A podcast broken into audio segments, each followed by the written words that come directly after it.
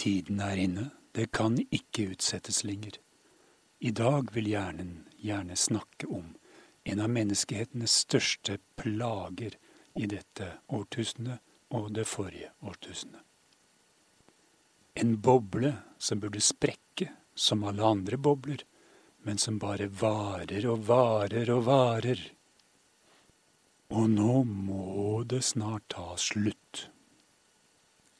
Jeg heter I Stemmen, og sammen med meg her i studio sitter Hjernen.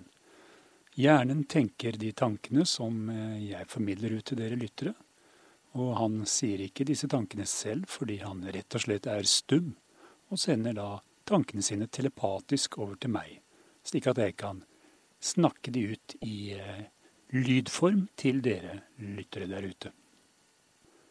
Denne podkasten er et flåseri som kun har til hensikt å bringe tanken din over på noe helt annet enn det du tenker på til vanlig, som selvsagt ikke bare er pizza og bilkjøring, men en hel masse forskjellige plager og bekymringer som uh, rumler rundt i hjernen på dere alle sammen.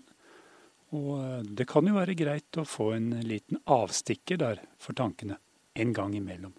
Kanskje få pulsen ned litt og få roa av litt i eh, det store stressene dere er utsatt for hver eneste dag i tilværelsen.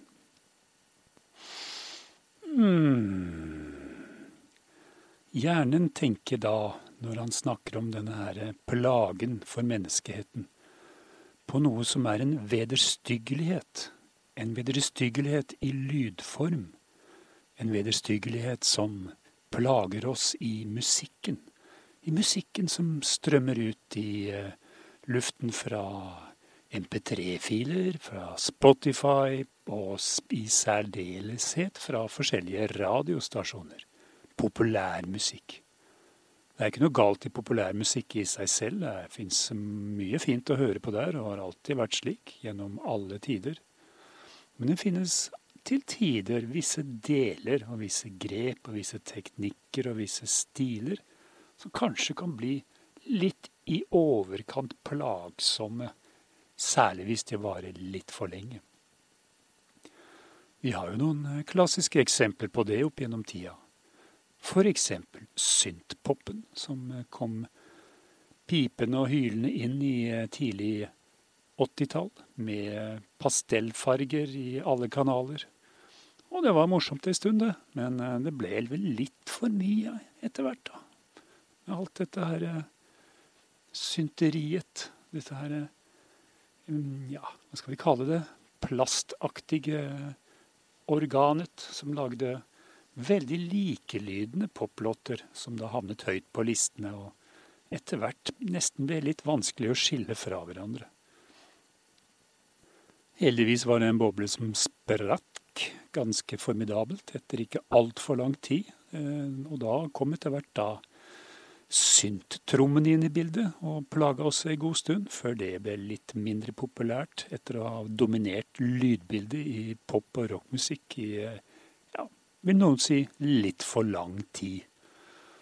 Da hadde vi sånn eh, cirka på den tiden der en overgang til eh, grungen, som jo var ganske spennende en stund, den også, før det ble litt for mye av det også. Og Det kan jo være greit at det ikke toppa hitlistene så veldig mange år etter at eh, Nirvana lå der oppe og berika oss i musikkens verden som lytterne. Den eh, bobla inn musikkens verden som hjernen etter hvert har begynt å få et visst, ja, temmelig anstrengt forhold til, er av en litt annen karakter, og har vart utrolig lenge. Uvanlig lenge til å være i eh, popmusikkens eh, område. Gjerne vanligvis en svært så avslappa og balansert og fredelig fyr. Kanskje litt i overkant sløv, men ellers lager han ikke mye spetakkel og legger ikke noen for hat og har ikke noen voldsom aggressivitet i seg. Men akkurat nå har han sagt og sier han nå at eh, det begynner å røyne på. Han har begynt å få lyst til å bli litt voldelig av seg. Få en en voldelig aksjon i sikte. Han har utrusta seg med slåsshansker og kniver og skytevåpen. Eh, både revolver og pistoler og automatvåpen og maskingevær. Skuddsikre vester. Han har eh, bombekastere og sågar et par, tre-fire kortdistanseraketter som han eh, prøver å la være å bruke, men nå er det like før han eh, trykker på alle avtrekkerne samtidig, sier han. Og den vederstyggeligheten han har så intens lyst til å gå berserk og knuse og gruse og male ned i støvet og trampe på og tisse på, er selvsagt autotune. Og i fall det er noen av lytterne som ikke vet hva autotune er, så er det en prosessor som ble funnet opp sånn cirka, eller kom på markedet sånn cirka i 1997. Og brukes til å justere stemmene på vokalister. Sånn i fall de synger litt falskt, ikke klarer å treffe tonen. Så de vil justere det inn så de kan synge renere. Etter hvert også ikke brukt bare på innspillinger, men også i livesammenhenger autotune. Det ekstreme misbruket av autotune som etter hvert har eh, oppstått, og som i dag er nesten umulig å unngå å høre hvis du skrur på en radiostasjon hvor det spilles musikk, ble på mange måter eh, starta med Cher, eller Chair, som artisten heter, eh, i 1998, da hun kom med låten 'Believe'. Da var det en eller annen luring, eller en gal, gal mann, galt menneske, klin sprø, som fant på å kjøre den autotune-greia, den prosessoren, opp på maks.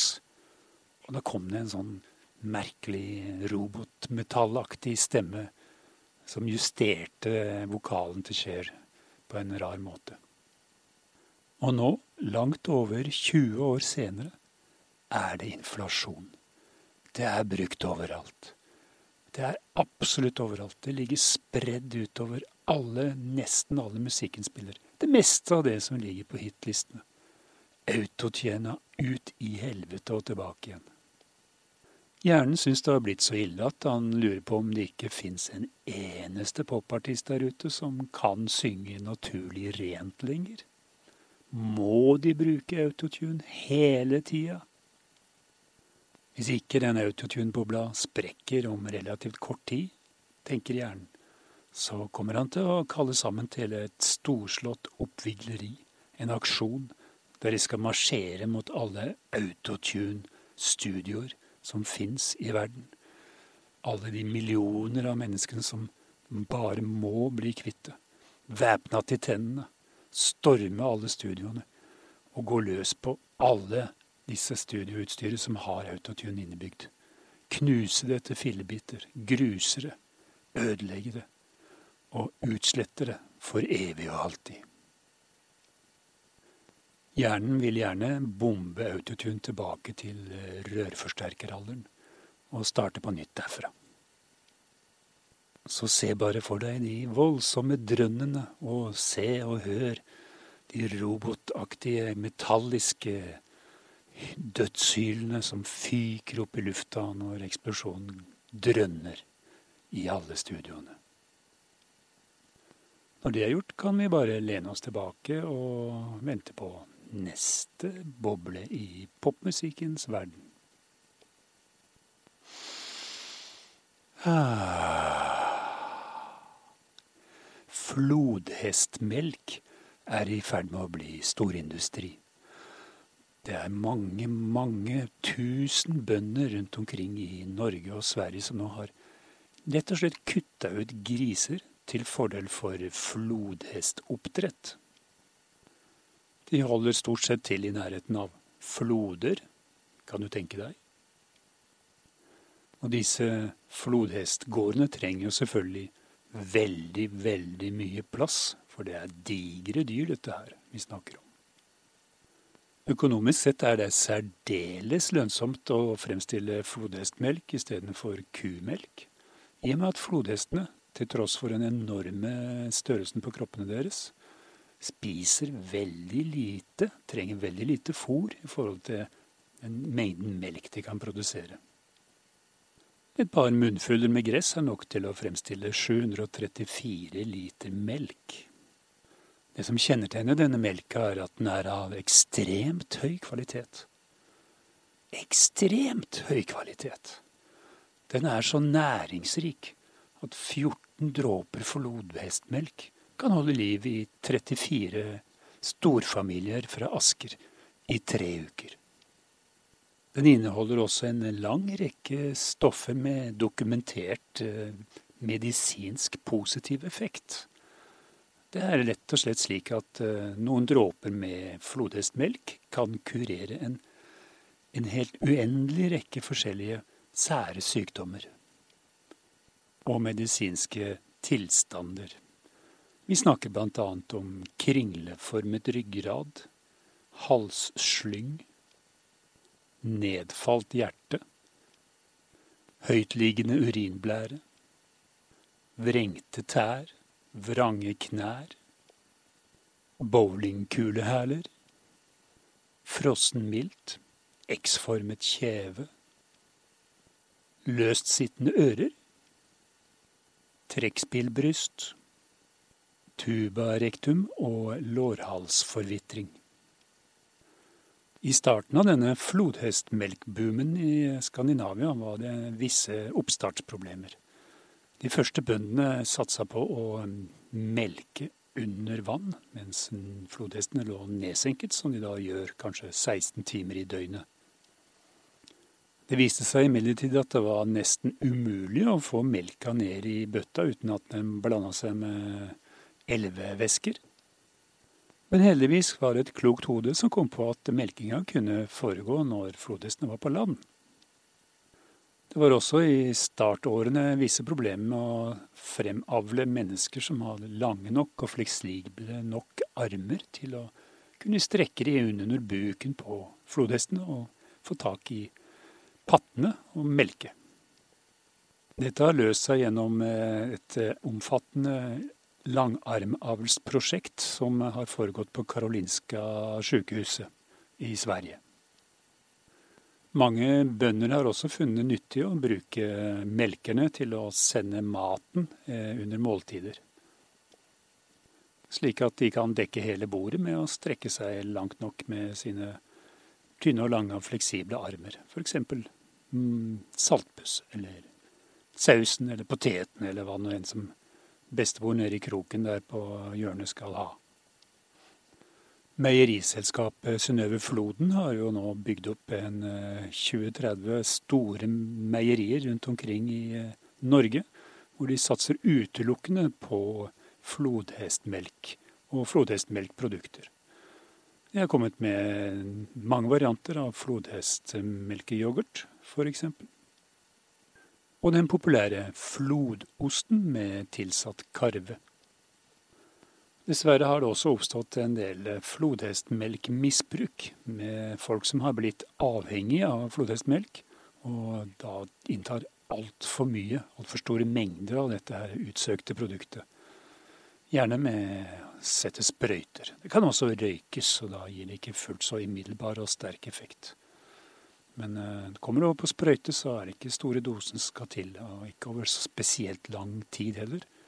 For misbrukeren begynner å utvikle et ekstremt kraftig kjeveparti med enorm munn og noen digre tenner. Og høytliggende øyne og, og nesebor. Dette, en, dette har etter hvert blitt et aldri så lite samfunnsproblem som uh, misbrukere over uh, store deler av landet er, eh, er litt utsatt for, og som da koster helsevesenet ganske mye penger. Heldigvis får flodhestmelkprodusentene ekstremt godt betalt for disse her produktene sine, i og med at de er så næringsrike og har så gode medisinske effekter. Her snakker vi om at en, eh, vi snakker om desiliter, så er det 13 700 kroner literen det ligger på per i dag. Og eh, i og med at de tjener så godt på det, så setter de av en tier per liter til, uh, til folkehelsa, som kan hjelpe til å få bukt med dette her misbrukproblemet. Et annet problem som man har oppdaget og ikke visste om på forhånd kunne, kunne oppstå, er at Flodhester er jo veldig beskyttende for sine revirer, og tar da livet av en hel del mennesker hvert år. Sånn litt vanskelig å komme rundt akkurat det problemet der, i og med at de er så store og kraftige. og og de spiser det meste av mennesker som går langs elvebredder, hvor Eller ikke spiser, da, men de dreper de, for de er redd for at de kanskje skal true dem, eh, som går langs elvene hvor de holder til. Men her er det også noen kloke hoder som har kommet på at man kan utnytte dette her til noe positivt. For det, det er jo egentlig slik at uh, flodhesten den dreper jo mer mennesker enn nesten noe annet uh, dyr på jorda. Bortsett fra mennesker, som da dreper mer mennesker enn noe annet dyr på jorda. Så la oss si at flodhesten er en god nummer to, da. Og da kan det jo kanskje være lurt å bruke flodhester som leiemordere, var det noen som kom på. Så nå har det vokst opp som en egen biindustri, da, Det er flodhester som leiemordere er blitt big business i visse samfunnsdeler. Med hjelp av den tidligere omtalte autotune-prosessoren, så har det faktisk også vært vellykket fremstøt på musikkfronten med melkeflodhester som vokalister. Vi snakker da spesielt om Flow and the Splashers, som gikk rett til topps på VG-listene og ble der i 73 uker i strekk. Med den uh, kjente popperlen Milky Milky Kill Kill. Hmm. Ups sann, det ser ut til at hjernen fikk noe eh, flodhestmelk i vranghjernen, så jeg tror nok vi blir nødt til å avbryte det, denne episoden her eh, fort og heftig for å se om vi kan redde han ut av koma. Så vi runder av igjen som vanlig hver eneste episode. Vi siterer Lars Saabye Christensen. Ta det med ro, du kommer tidsnok for sent. Ah.